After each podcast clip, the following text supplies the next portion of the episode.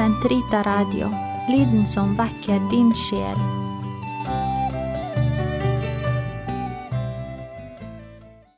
Kamels hage, episode 18 Indre bønn, kontemplasjon I forrige uke snakket vi om det første stadiet i den indre bønnen, det meditative stadiet, der vi aktivt arbeider med bønnen og mediterer over Jesu Kristi liv og ord. I denne attende ordinære episoden av Karmels hage skal vi se litt på hvordan vi forstår det andre stadiet av den indre bønnen, kontemplasjonen. Vi har meditert, arbeidet hardt med dydene, og plutselig føles det som om vi står tomhendte tilbake. Overgangen kan være hard for mange. Johannes av Korset beskriver det som en natt. Kirken vender årlig tilbake til en slik hendelse, der Jesus Kristus bokstavelig talt forsvinner fra øynene på disiplene, som har investert så mye, tålt så mye og forventet så mye av Jesus. Den store oppstandelsesgleden som de også hadde fått kjenne på, får seg et kraftig skudd for baugen når Jesus igjen blir tatt fra dem under Kristi himmelfart. Det må en engel til for å få dem til å vende tilbake til sitt oppdrag, og gjennom Helligånden oppdage at de aldeles ikke står tomhendte tilbake, men at Gud i stadig sterkere forstand, gjennom sin Hellige Ånd, bærer dem, han alene. Og akkurat så overrasket som disiplene ble da Jesus plutselig ble tatt opp til himmelen fremfor deres øyne, kan vi bli om Gud løfter vår sjel som i stillhet mediterer og lytter til Hans ord. Vi lytter til Lukas' beretning fra apostlenes gjerninger. Da de nå alle var samlet, spurte de ham, Herre, er dette tiden da du skal gjenreise riket for Israel? Han svarte dem, De tider eller den stund som Faderen av egen myndighet har fastsatt, tilkommer det ikke dere å få vite. Men Den hellige ånd skal komme over dere og gi dere styrke, og så skal dere være mine vitner i Jerusalem, utover hele Judea og Samaria, ja, like til jordens grenser. Som han hadde sagt dette, så de ham løftes i været, og en sky tok ham bort for deres øyne. Hvor mettet er ikke denne teksten? Igjen finner vi et sted i Bibelen som sier oss nesten alt vi trenger å vite om bønn. Igjen forteller Jesus oss at vi ikke skal lure på så masse og spørre om så masse. Igjen forteller han at han har gitt oss alt vi trenger når vi skal følge hans oppdrag og være hans vitner for Den hellige ånd skal komme over dere og gi dere styrke, sier han. Igjen viser Gud oss at han tar seg av alt. Om vi er rene og ivrige og vier oss til den indre bønn, meditasjon og drøvtygging av Guds ord, så skal Han ta seg av også vår bønn etter hvert.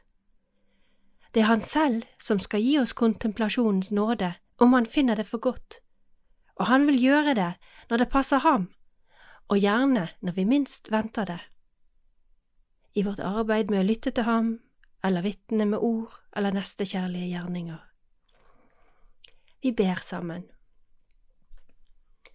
Kom, Hellige Ånd, fyll dine troendes hjerter og tenn i dem din kjærlighetsild.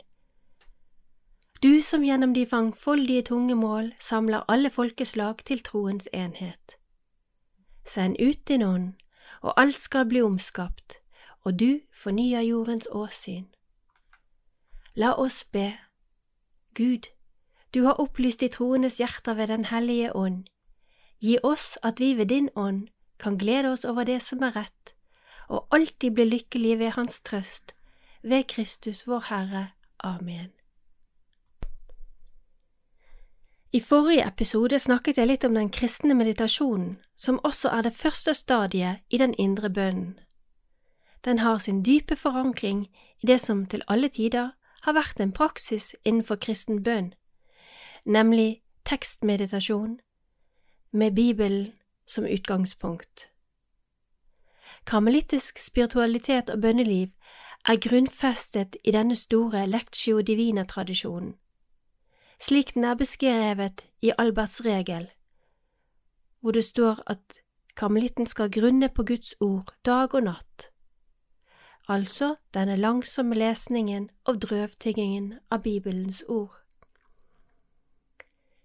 Tekstmeditasjonens hensikt er å bli stadig dypere kjent med Faderen, Sønnen og Den hellige ånd, gjennom Guds levende ord som blir gjort forståelig og konkret tilgjengelig for oss gjennom Skriften, Kirkens lære og liturgien. Det innebærer å lese, drøvtygge og bli ett med Ordet. Og det er et nødvendig skritt på den indre bønnens vei, som etter hvert kan lede til kontemplativ bønn. Vår bønns dybder henger sammen med dypet i vår erkjennelse av oss selv som Kristi brødre og søstre, som del av det folk han har gjort til sitt.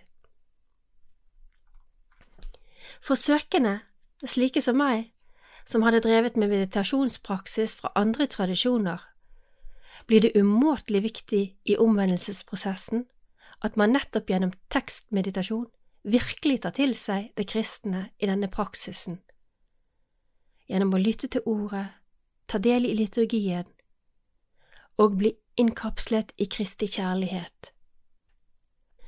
Å gå dypere inn i mystikken uten dette som utgangspunkt er åndelig risikoatferd.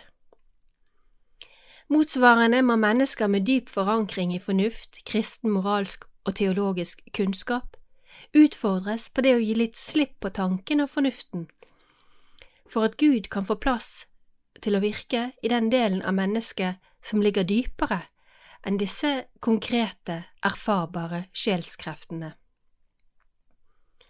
La deg omforme av ordet i dypet av din sjel, det uendelige dyp som ligger bakenfor vår fornuft og vårt intellekt.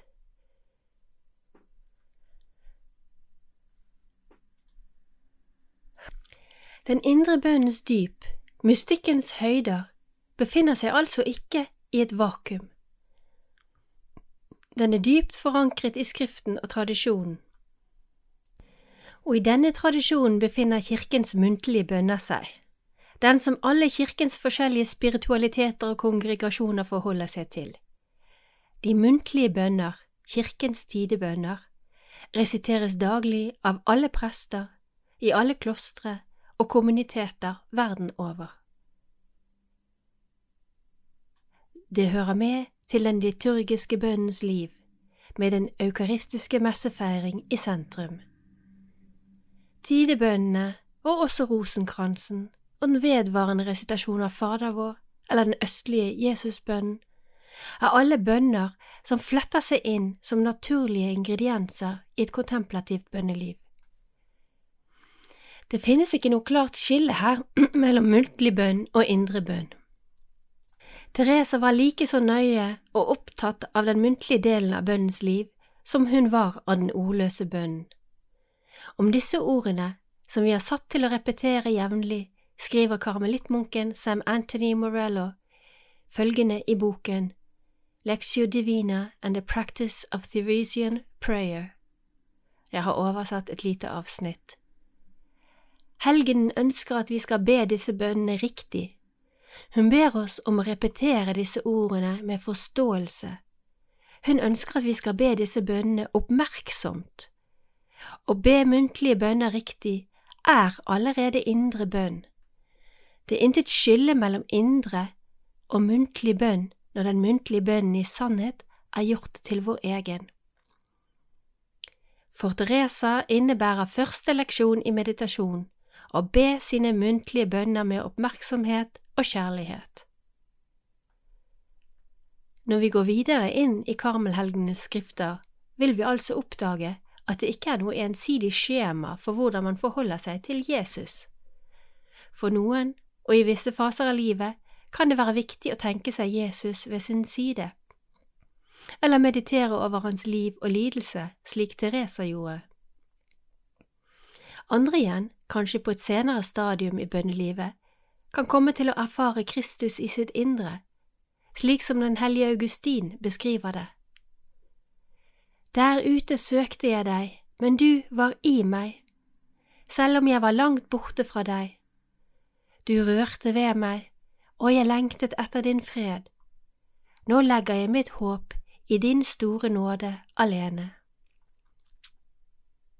Det er denne erkjennelsen som gjør mennesket i stand til å gjøre det som gjøres må for å søke og få smake Gud allerede her på jorden, gjennom den gaven som kontemplasjonen er. Siden kontemplasjon er noe som Gud gir til sjelene, er den ikke resultat av mentale prosesser. Derfor kan den engelske betegnelsen mental prayer, med dens norske oversettelse mental bønn, gi feilaktige assosiasjoner når vi snakker om indre bønn. Ser du ordet mental bønn, oversett det i ditt indre med indre bønn. Kontemplasjonen har sitt utspring i Kristi kjærlighet og vår kjærlighet til våre medmennesker. Den finner sin antennelsesgnist i meditasjonen over Kristi liv, i beredvilligheten til å la Hans liv forme dypet av vår eksistens. Kontemplasjon springer ut av en ektefødt nærhet og kjærlighet til Kristi liv og lidelse, til en slik grad at man ikke selv sier nei til å ta del i denne. Å be er å strekke seg utover alle bilder og inn i det uforståelige og umulige. De som ber slik, de er og jeg siterer fra Salme 92. De er plantet i Herrens hus og blomstrer i forgårdene hos vår Gud. Ennå i alderdommen bærer de frukt, de er friske og frodige. Hva er så kontemplasjon? Hva er så en kontemplativ sjel? Jeg lar en av Karmels ferskeste helligkårede Elisabeth av treenigheten svare. Hun ble for øvrig helligkåret i 2016. Hun sier, kontemplative sjeler trer inn til ham gjennom en levende tro, og der, gjennom enkelhet og fred, blir de båret av gårde av ham, bortenfor alle ting, bortenfor sanselige fornøyelser, inn i det hellige mørket, og blir der forvandlet til det guddommelige bildet. De lever slik evangelisten Johannes uttrykker det, i samfunn med de tre tilbedelsesverdige personene i Gud, og tar del i deres liv, og det er dette som er et kontemplativt liv. Så vakkert skriver karmelittnonnen den hellige Elisabeth av treenigheten om kontemplasjonen. Vi skjønner at kontemplasjon ikke er noe man kan forstå intellektuelt. Derfor er heller ikke dette en podkast for intellektet, men en serie for den som ønsker å smake selv og se at Herren er god. Like fullt er det viktig med forklaringer og begrepsavklaringer for at vi ikke skal gå oss vill og ende opp med å slite oss ut i steinur, stup, busker og kratt. Siden det hersker så mange varianter av forståelse av ordet kontemplasjon, må vi se litt nærmere på disse og sammenligne dem med den karmelittiske forståelsen av ordet. I Store norske leksikon får vi vite at ordet har sin opprinnelse i det latinske contemplatio, som betyr betraktning. Videre står det at kontemplasjon er religiøs eller filosofisk grubling eller fordypelse i et problem. Kontemplasjon betyr også selvfordypelse eller dyp tenkning. Ja, kontemplasjon har så absolutt et element av betraktning i seg. Dette er jo det man gjør i den meditative og første fasen av den indre bønnen. Men i vår forståelse har det absolutt intet med tenkning eller grubling å gjøre, noe som Johannes av Korset innstendig forklarer at vi må legge til side når vi kommer til den kontemplative fasen av bønnen. Hos mange, både katolikker og protestanter, treffer jeg på ordet brukt som verb, som det å kontemplere, altså å betrakte Gud. Man snakker da om en form for bønn som er aktiv og håndgripelig, som menneskene selv kan gjøre. Heller ikke det stemmer helt med den karmelittiske forståelsen. En av Karmels saligkårede, fader Marie Eugene av Jesusbarnet, har i den meget lesverdige, men også krevende boken om karmelittisk spiritualitet, som heter I Want to See God, en lengre betraktning over denne mangfoldige bruken av ordet kontemplasjon, med både definisjoner og stadier. Definisjonen av ordet peker for det første på at kontemplasjon inneholder en grunnleggende og stor opplevelse eller syntese av det man kontemplerer, en opplevelse av å få del i en sannhet. Men han legger til en del to, at denne sannhetsopplevelsen foregår i kjærlighet. Kort sagt, a simple gaze on truth under the influence of love.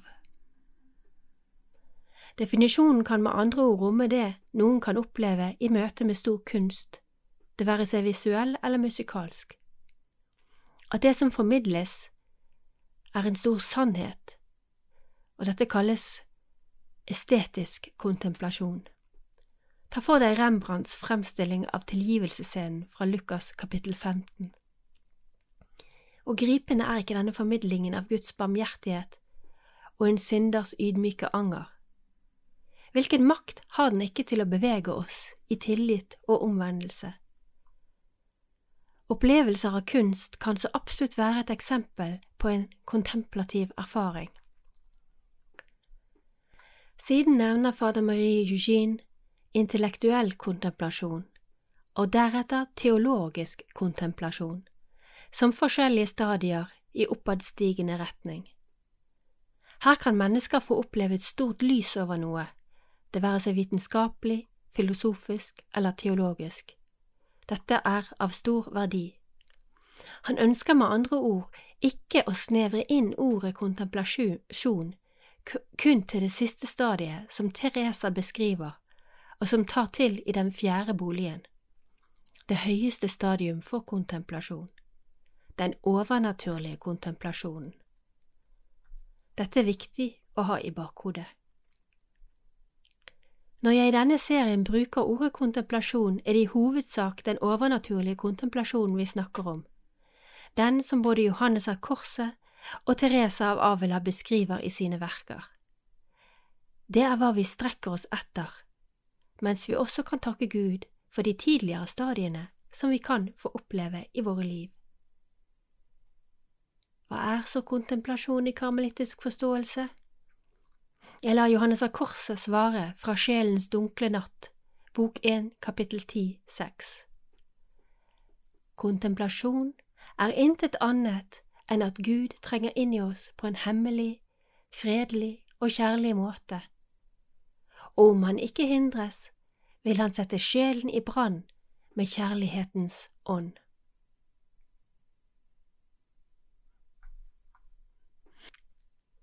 En overnaturlig kontemplasjon er altså noe Gud inngyter i en sjel som er forberedt og klar til å ta imot ham på denne måten. Veien dit er det jeg heretter vil kalle kontemplativt bønneliv og kontemplativ spiritualitet. Mennesket som søker Gud på denne måten, er et kontemplativt menneske. Som evangelisten Johannes så vakkert definerer med ordene Gud er kjærlighet, og den som lever i kjærligheten, lever i Gud og Gud i ham. 1. Johannes 4,16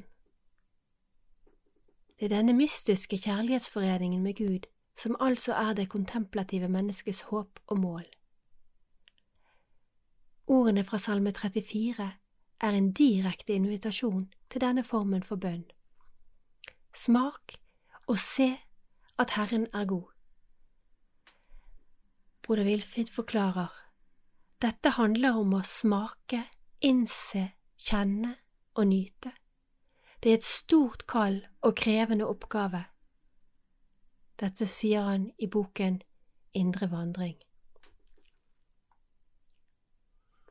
Til slutt er det viktig å presisere ingen kristen bønn er løsrevet omsorgen for og kjærligheten til sjelene, vår neste. Altså, slik som tekstmeditasjon aldri kan gjøres uten dype røtter i kirkens lære, vil kontemplasjon aldri kunne være løsrevet fra Guds ord, som selvsagt alltid er forankret i vår konkrete virkelighet. Jeg illustrerer dette med et sitat fra en annen karmelittmunk, fader Carlos Noyen. Bønn må derfor sammenfalle med et livsvalg. Mennesket må kvitte seg med all unødig bagasje når det legger ut på denne veien som leder til Herren. Det må fremfor alt være klar over at dette er saligprisningens smale vei. For å be er å bli fattig i ånden, for å bli rik i Den hellige ånd. Å be er å bringe fred inn i ditt eget liv og i dine medmenneskers liv. Å be er å bli barmhjertig og saktmodig som Jesus. Å be er å hungre og tørste etter Guds gaver, ettersom denne verdens goder aldri kan mette deg. Den som forsøker å leve slik, har stor mulighet til å trenge inn i den indre borgen og få oppdage mer av dens skjønnhet. Dette er et sitat fra forordet til Den indre borgen på svensk. La oss nå avslutte med Paulus' bønn over efeserne, slik vi hørte den i annen lesning i messen i dag. Brødre, jeg ber om at vår Herre Jesu Kristi Gud, Faderen som troner i herlighet, må gi dere den Åndens visdom som kan åpenbare ham for dere, og la dere virkelig lære ham å kjenne. Måtte han la deres hjertes øyne fylles med lys, så dere kan forstå hvilket håp han har kalt oss til, hvilken rikdom av herlighet hans arv til de hellige er fylt av, og hvilken overmektig kraft han rår over, til beste for oss som tror. For det er den samme makt han utfoldet i Kristus da han oppreiste ham fra de døde og ga ham sete ved sin høyre i himlene, høyt over alle makter og myndigheter, krefter og herskere, og over enhver tittel som nevnes kan, ikke bare i denne verdensorden, men også i den kommende. Amen.